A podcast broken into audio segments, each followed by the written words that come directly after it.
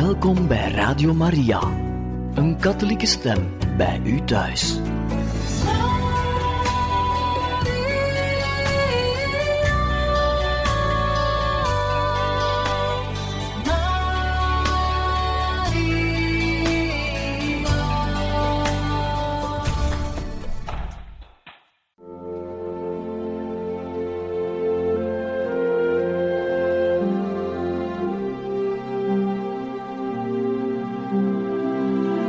Beste luisteraars van Radio Maria, welkom bij het programma Catechismus.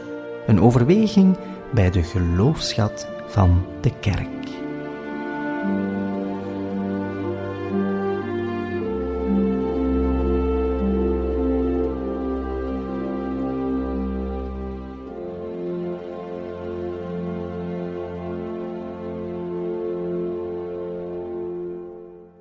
Van harte welkom, beste luisteraars van Radio Maria, bij het programma Catechismus. Vandaag luisteren we naar eerwaarde heer Pierre François in een reeks die zal gaan over de verschillende sacramenten. We luisteren naar deze catechese over het doopsel. Nu gaan we kijken hoe het sacrament van het doopsel wordt gevierd in de kerk de liturgie rond het doopsel en hoe de christenen eigenlijk dankzij dat doopsel een christelijke initiatie krijgen. Wel, vanaf de apostolische tijd uh, wordt men stapsgewijze christen. Het is een initiatie die in meerdere fasen gebeurt. Uh, men kan langer of korter over deze weg doen, maar altijd zijn er enkele wezenlijke elementen aanwezig. En ik ga ze opsommen. Dat is eerst een verkondiging van het woord, dan een uitdrukkelijke aanvaarding van het evangelie, die ook een bekering van het leven met zich meebrengt, vervolgens de beleidenis van het geloof, dan het doopsel zelf, met de uitstorting van de Heilige Geest, en de uitstorting van de Heilige Geest kan soms ook betekenen dat er een ander sacrament of twee andere sacramenten worden gegeven, namelijk het vormsel en de Eucharistie. Maar dat hangt natuurlijk af van plaats tot plaats.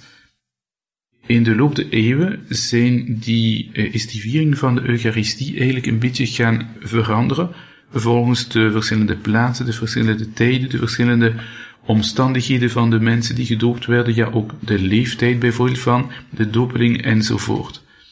Wat vast staat in de eerste eeuwen van de kerk, dat is dat de christelijke initiatie een grote ontplooiing heeft gekend uh, met een lange periode voor het catechumenaat. Catechumenaat is de periode waarin de gelovigen geloofse leerlingen zijn, een bepaalde uh, vorming krijgen die het doopsel voorafgaat.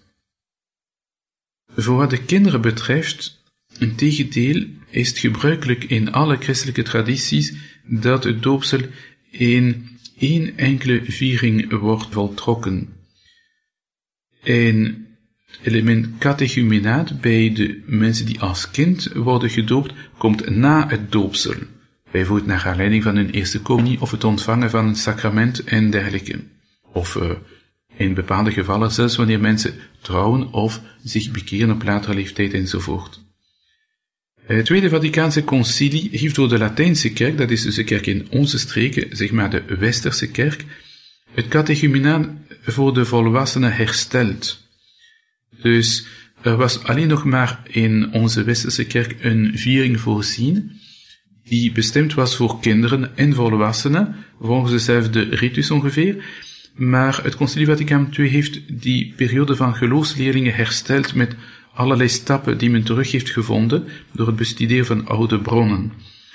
Concreet, de riten van de christelijke initiatie voor volwassenen kan men vinden in een bepaald uh, boek hm, dat christelijke initiatie voor volwassenen uitlegt.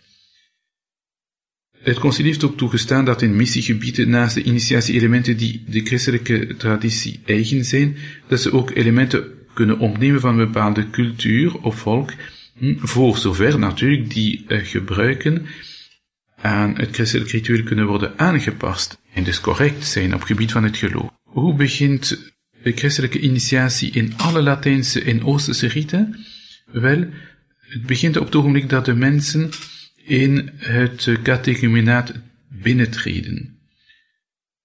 Die initiatie kan zijn hoogtepunt bereiken na een aantal maanden, waarin de drie sacramenten van het doopsel, het vormsel en de Eucharistie in één keer worden gegeven. Dus een lange voorbereiding catechumenaat en verder een unieke viering waar men doopsel, Eucharistie en vormsel geeft.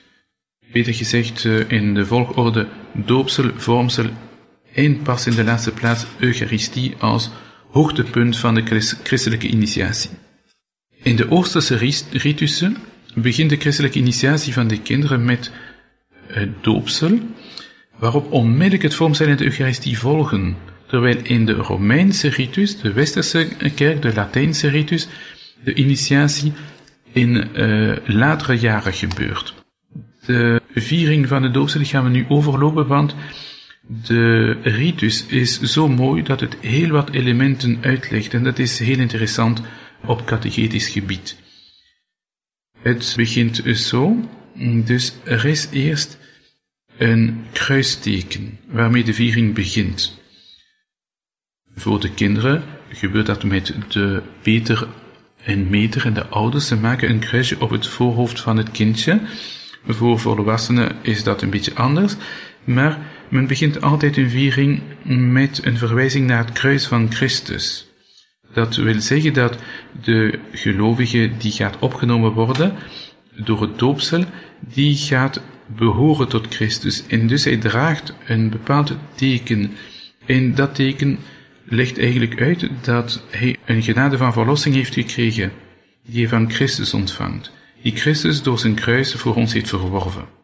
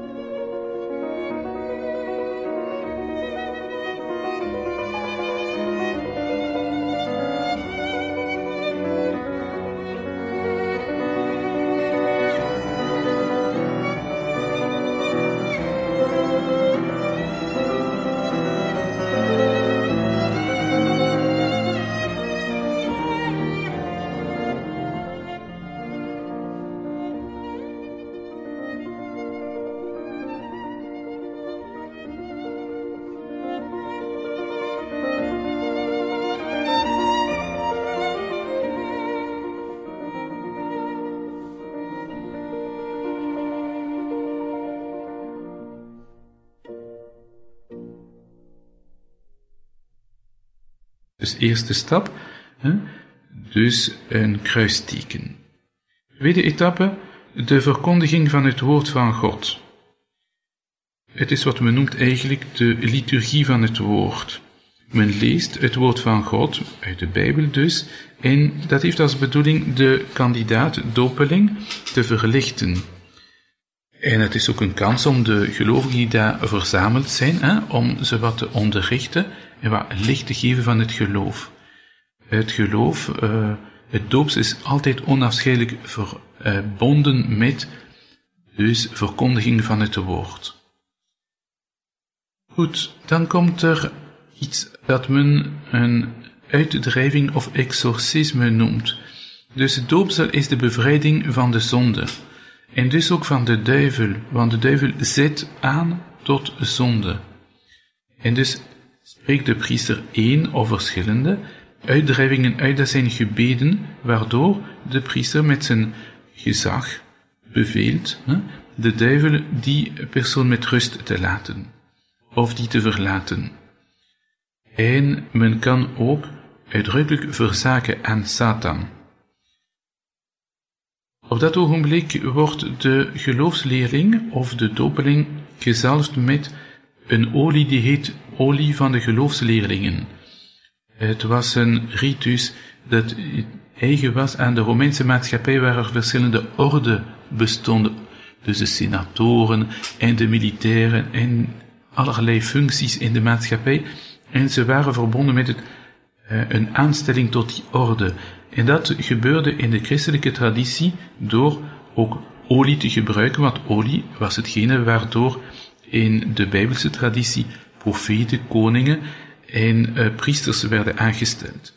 Dus een geloofsleerlingen treedt tot een nieuwe orde, als het ware, de orde van geloofsleerlingen.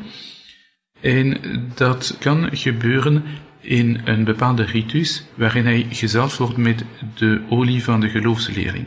Men kan ook een andere gebaar doen in de plaats, en dat is wat we soms doen in uh, doopsels van kinderen, dat is een handoplegging. Vervolgens gaat de dopeling in eigen naam als hij een volwassene is, of door de stem van zijn Peter of Meter, hm, als hij nog een kind is, het geloof aan de kerk moeten beleiden. Want hij gaat toevertrouwd worden aan de kerk door het doopsel. Dan komen we dichter bij de viering van het doopsel. Om te dopen hebben wij gewijd water nodig, doopwater. En dat water wordt gemaakt door water te zegenen met een bepaald gebed. Dat noemen we epiclesegebed. Epiclese betekent dat we de Heilige Geest afroepen op dat water. Dat water kan gezegend worden op, in de viering zelf, als we geen doopwater bij de hand hebben, of ook in de, de paasnacht. Daar gaat men water wijden die we gaan gebruiken in de doopkapellen tijdens heel het jaar. Wat doet de kerk op dat ogenblik? Ze vraagt aan God dat door zijn Zoon en de kracht van de Heilige Geest Mm, de kracht van de Heilige Geest over dat water mag neerdalen, opdat zij die erin worden gedoopt, geboren worden uit water en geest. En nu dat al die voorbereidingsriten zijn gebeurd, kan men overgaan tot de wezenlijke ritus van het sacrament zelf, het doopsel, in de eigenlijke zin van het woord. Dat is dus nu de kern. Voor deze ritus is de dopeling nog niet gedoopt, daarna is al gedoopt, ook al volgen nog andere vieringen en uh, riten deze wezenlijke handeling. Wel, dat gebeurt door een onderdompeling in het doopwater. Die onderdompeling kan volledig zijn. Hm? Dat, dat de volwassene of het kindje volledig onder water wordt geplaatst dat is natuurlijk praktisch een beetje moeilijk om het te verwezenlijken in de praktijk. En dat verwijst inderdaad naar het feit dat we begraven zijn met Christus aan ons oud leven, ons zondig leven, en dat wij gaan herboren worden als een nieuwe mens. Die onderdompeling gebeurt drie keer, met telkens de aanroeping van uh, een, uh, een persoon van de drie-eenheid. Nu, kan vanaf de oudheid ook het doopsel toegediend worden door gewoon water te laten vloeien over het hoofd van de dopeling. En dat is het meest gebruikelijke hm, in onze tijd, het meest praktische ook.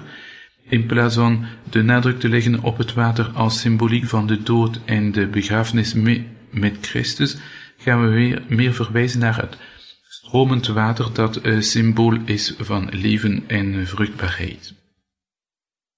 In de Latijnse kerk is de formule zo, men zegt de naam van de uh, dopeling, die trouwens in die viering ook zijn christelijke naam krijgt. Hm? En men zegt, ik doop u in de naam van de Vader en de Zoon en de Heilige Geest. In de Oosterse liturgie is het bijna hetzelfde, maar men zegt, uh, merkwaardig genoeg, met de geloofsleerling naar het oosten gekeerd, van waar de zon opkomt. Dat is een symbool voor uh, de plaats waar Christus zal terugkomen, vandaan zal terugkomen. Daar zegt men, de dienaar Gods, en men zegt zijn naam, wordt gedoopt in de naam van de Vader en de Zoon en de Heilige Geest. En bij de aanroeping van elke persoon van de allerheiligste drie-eenheid, dus wordt in beide uh, riten, dus de dopeling, of ondergedompeld in water, of uh, wordt water over hem gegoten. Dus als dit gebeurd is, is het kindje of de volwassene in kwestie gedoopt. Maar er moet nog iets anders gebeuren. Eens dat men uh, gedoopt is, dat zijn bepaalde riten die men noemt de verklarende riten, die duidelijk tot uiting brengen wat er allemaal is gebeurd dankzij dat doopsel. Wel, de eerste ritus die wordt uh, uitgevoerd is de salving met heilig chrisma. Dat is die welriekende olie die door de bisschop is gewijd uh, in de chrisma-mis. Hm? Dat is het olie dat gebruikt wordt voor het vormsel. Maar in dit geval is niet altijd een vormsel. Het hangt ervan af. Soms worden de mensen, vooral in het geval van, van volwassenen, ook gevormd naar hun doopsel. Maar als ze niet gevormd worden op dat ogenblik, bijvoorbeeld de kinderen in de Latijnse ritus, maakt men toch een zegen met die olie, want dat is eigenlijk een aankondiging dat het kindje later zal worden gevormd. In elk geval verwijst het naar een salving. Vanaf het ogenblik dat wij gedoopt zijn, zijn we ook gezalfd of geroepen om het te worden. En dat doet ons denken aan de eigenlijke naam van Christus. Uh, Christus betekent eigenlijk de gezalfde. Hm?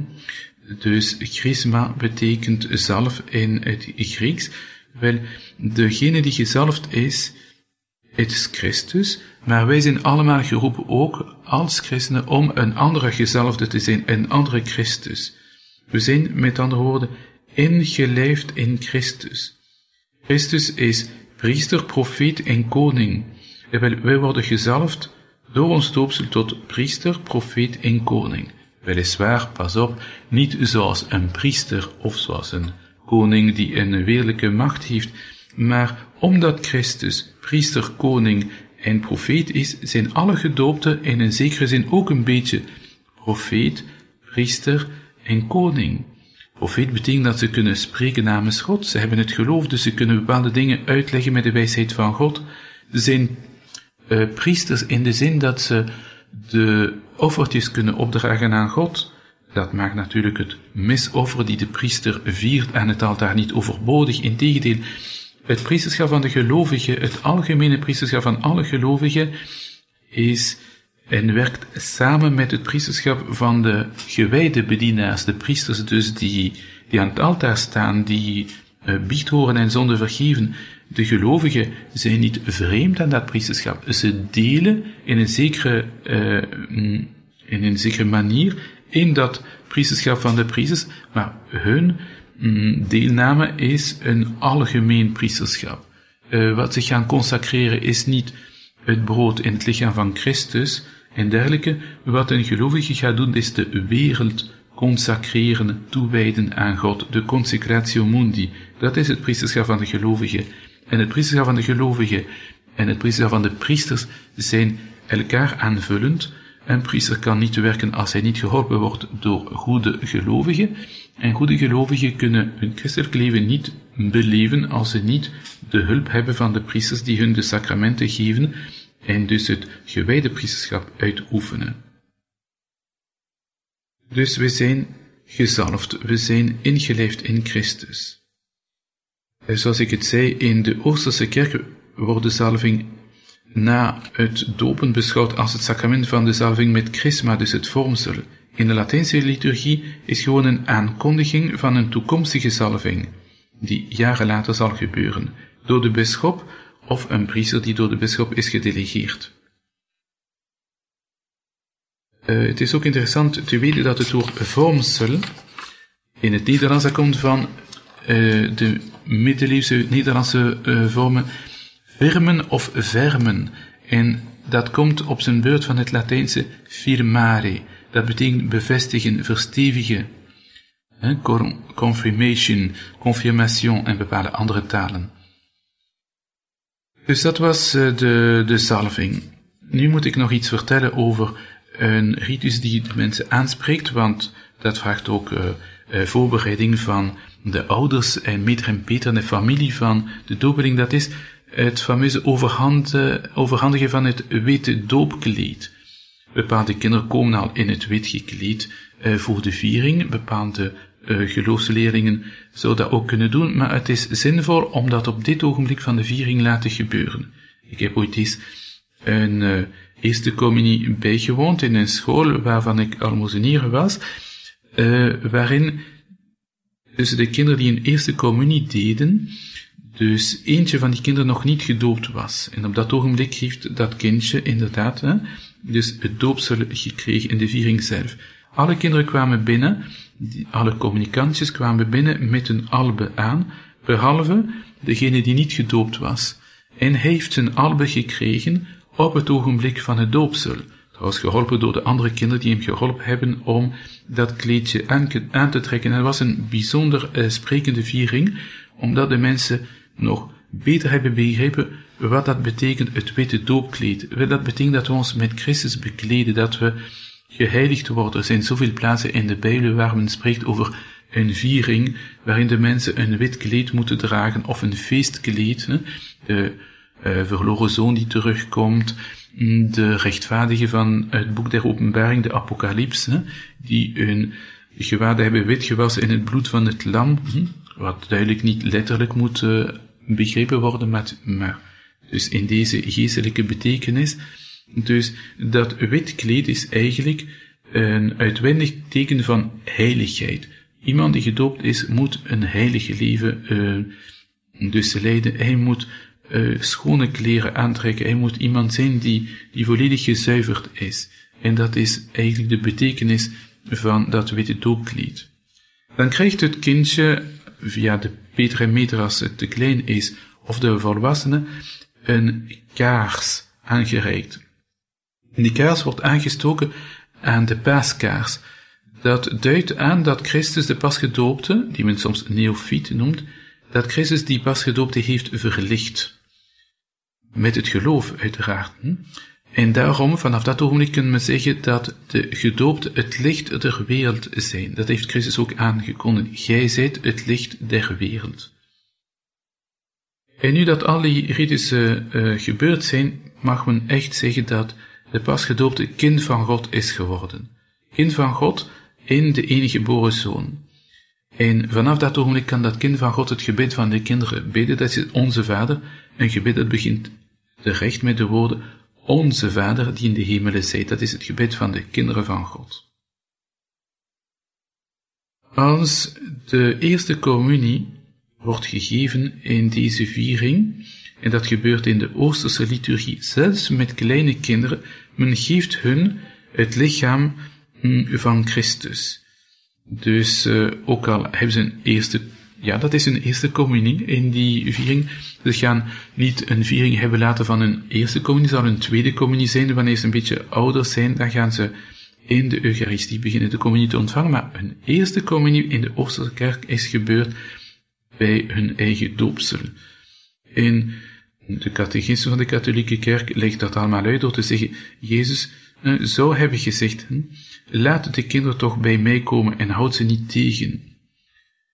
In de Latijnse kerk wacht men totdat de mensen volwassenen zijn of minstens een beetje rijpheid hebben om hm, te kunnen onderscheiden tussen gewoon brood en het lichaam van Christus om hun de eerste communie te laten doen.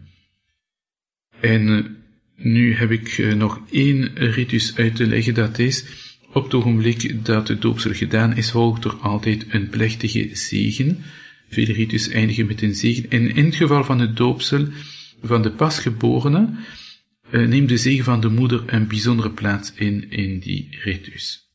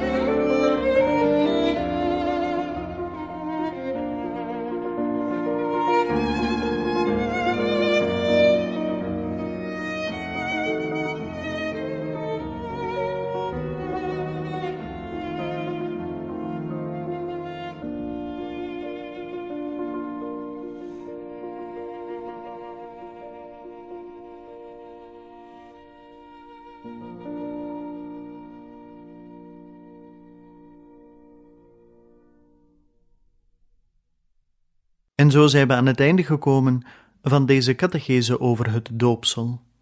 Een volgende keer staan wij opnieuw bij een catechetisch thema stil. We hopen dan ook dat u er ook opnieuw wens bij te zijn. Van harte dank en nog een zeer fijne dag gewenst.